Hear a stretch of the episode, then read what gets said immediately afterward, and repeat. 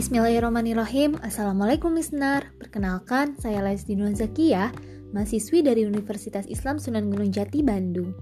Apa kabar semuanya?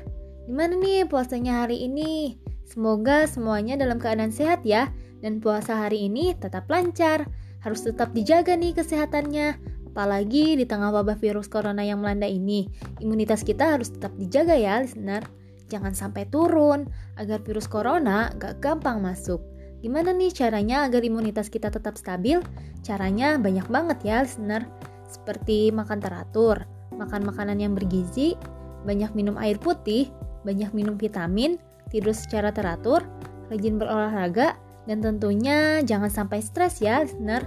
Ketika imunitas kita dijaga dengan baik, ini tuh dapat berpengaruh terhadap puasa kita ya listener. Sehingga puasa kita akan lancar dan juga kita makin rajin deh buat beribadahnya. Insya Allah.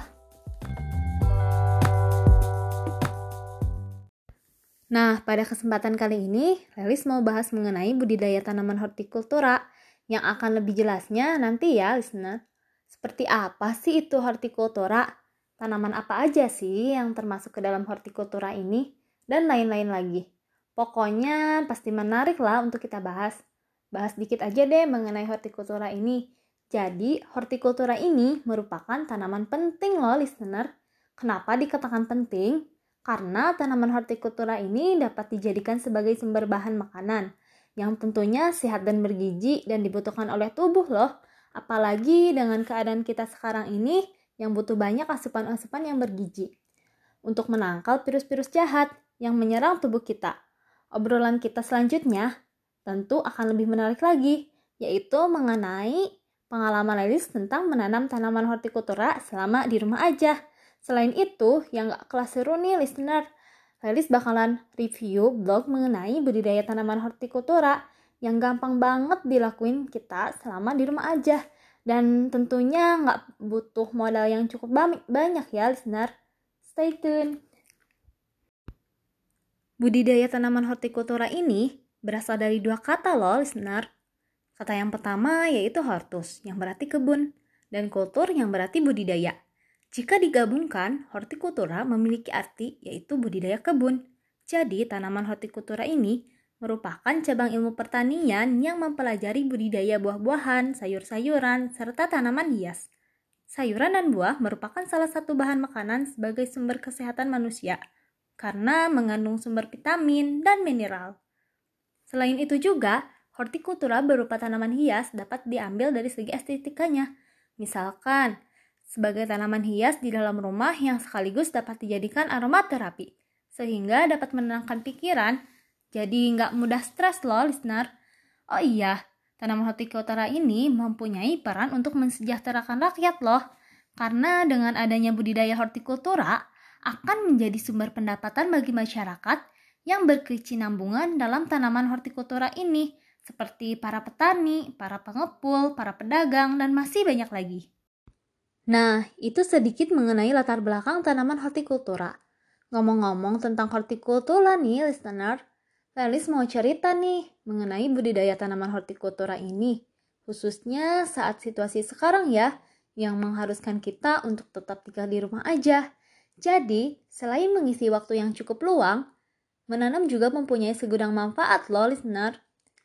Contohnya, untuk melatih kesabaran, menghilangkan kepenatan, dan tentunya dapat dijadikan ladang amal ya. Selama di rumah aja, Felis nanam bayam merah dan stroberi listener. Bayam merah ini dipilih untuk ditanam karena warnanya sangat menarik listener. Panennya cepat dan sebelumnya memang belum pernah nanam. Sedangkan memilih tanam stroberi karena buahnya dapat dipanen cukup cepat. Tidak perlu menunggu lama seperti tanaman buah tahunan yang hanya ada seketika musimnya saja. Proses budidaya bayam merah ini cukup mudah listener, sama halnya dengan budidaya bayam hijau pada umumnya, yaitu meliputi pengolahan media tanam, pemupukan, penanaman, pemeliharaan, panen, serta pasca panen.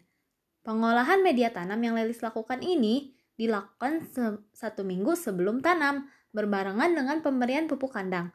Pemupukan yang Lelis lakukan tidak memakai pupuk buatan listener. dan memberi pupuk kandangnya ala kadarnya. Nah, jadi pemupukan yang ideal itu yaitu dengan menambahkan dosis 10 ton per HA atau 1 kg per 10 meter persegi. Kemudian diberi pupuk buatan berupa N 120 kg per HA, P 10 90 kg per HA, dan pupuk K 50 kg per HA. Setelah satu minggu pemupukan, baru dilakukan penanaman dengan menebar benih bayam di atas media tanam. Kemudian tanaman bayam merah ini dipelihara dengan memberi air secukupnya dan dilakukan penyangan ketika gulma ada dan lakukan pengendalian ketika hama penyakit menyerang. Setelah satu bulan, bayam merah sebenarnya sudah bisa dipanen. Namun karena pemupukan yang kurang ideal, jadi tanaman bayam merah lelis tidak tumbuh dengan sempurna dan sekarang belum bisa dipanen deh. Penanaman yang kedua yaitu dengan menanam stroberi. Proses penanaman stroberi ini cukup mudah listener, yaitu anakan tanaman stroberi hanya tinggal ditancapkan ke dalam tanah. Namun, pemeliharaannya harus intensif, yaitu dengan menyiramnya ketika kering, mencabut gulma, serta mencabut daun-daun stroberi yang sudah tua. Selain itu, stroberi tidak akan berbuah ketika daunnya terlalu rimbun. Sehingga kita harus menyeleksi anakan-anakan dan daun-daun stroberi tersebut agar dapat berbuah. Pemupukan stroberi juga harus rutin, Snar. Karena pengalaman Lelis nih ya, stroberi nggak nggak dipupuk sama sekali, dia itu akan menghasilkan buah yang jelek, jadi bantet kayak gitu deh.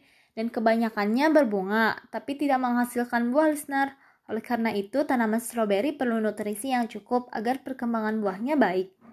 Selain seleksi anakan stroberi, Buah yang banyak juga harus diseleksi agar buahnya nanti besar-besar. Itu udah cerita pengalaman Nelis. Selanjutnya, kita akan bakal bahas budidaya sederhana selama di rumah aja dari seseorang yang cukup berpengalaman, yaitu teman saya sendiri bernama Lavina Rosalia. Jadi, Lavina ini membuat blog yang cukup menarik listener, yaitu bertema Farming from Home. Farming from Home ini menceritakan bagaimana sih berkebun ala Lapina dari rumah, khususnya saat pandemi corona ini. Saat pandemi corona, tentunya kita susah untuk mendapatkan sesuatu, karena kita dihimbau untuk tetap di rumah saja. Mau beli perlengkapan berkebun secara langsung juga nggak bisa. Jadi, ide ini muncul, yaitu dengan memanfaatkan sisa-sisa sayuran yang kita beli. Tanaman yang digunakan untuk ditanam yaitu tanaman seledri.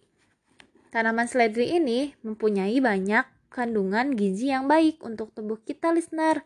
Di antaranya mengandung lemak, karbohidrat, air, protein, serta kalsium. Dan lain-lain sebagainya juga ya, masih banyak lagi. Pemeliharaan tanaman seledri ini dirasa cukup mudah loh listener. Hanya melakukan penyiraman secara teratur dan tentunya memberikan berbagai pupuk, yaitu pupuk urea 1,6 gram, TSP 0,52 gram, dan pupuk KCl 1,38 gram.